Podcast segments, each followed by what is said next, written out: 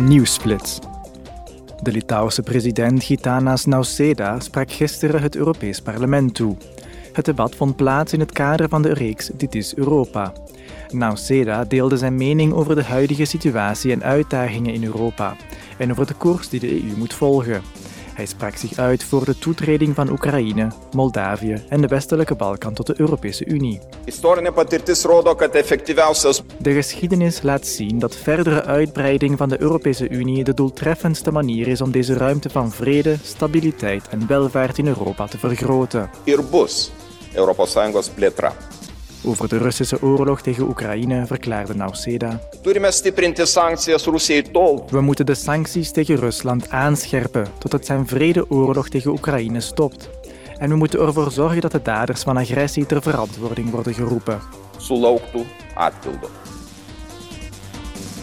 Voorzitter Metsola heeft de vergadering in Straatsburg geopend met een minuut stilte ter nagedachtenis aan de slachtoffers van twee rampen die onlangs hebben plaatsgevonden. De laatste weken zijn er meer mensen omgekomen op zee en de voorzitter heeft daarom alle betrokken personen verzocht dit probleem aan te pakken. Daarnaast zei voorzitter Metsola dat het parlement rouwt om het treinongeval in Griekenland en dat het meeleeft met de Griekse bevolking en klaarstaat om de families van de slachtoffers te helpen. We zijn weer een stap dichter bij een Europese dataverordening.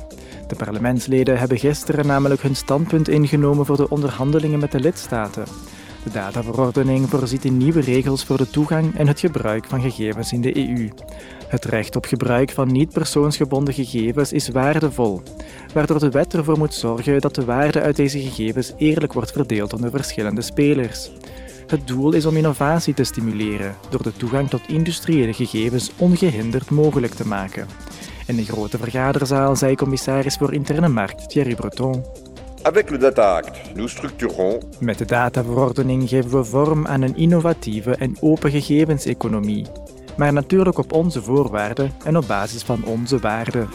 Dit betekent dat we in het bijzonder aandacht besteden aan rechten, de rechten van de consument, de kleine en middelgrote ondernemingen die de kern van onze industrie vormen, het algemeen belang en ook de bescherming van onze Europese gegevens. Dit is essentieel voor onze digitale soevereiniteit.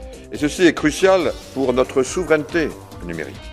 De wet zal bijdragen aan de opzetting van nieuwe diensten, vooral op het gebied van kunstmatige intelligentie, waarvoor een enorme hoeveelheid data nodig is.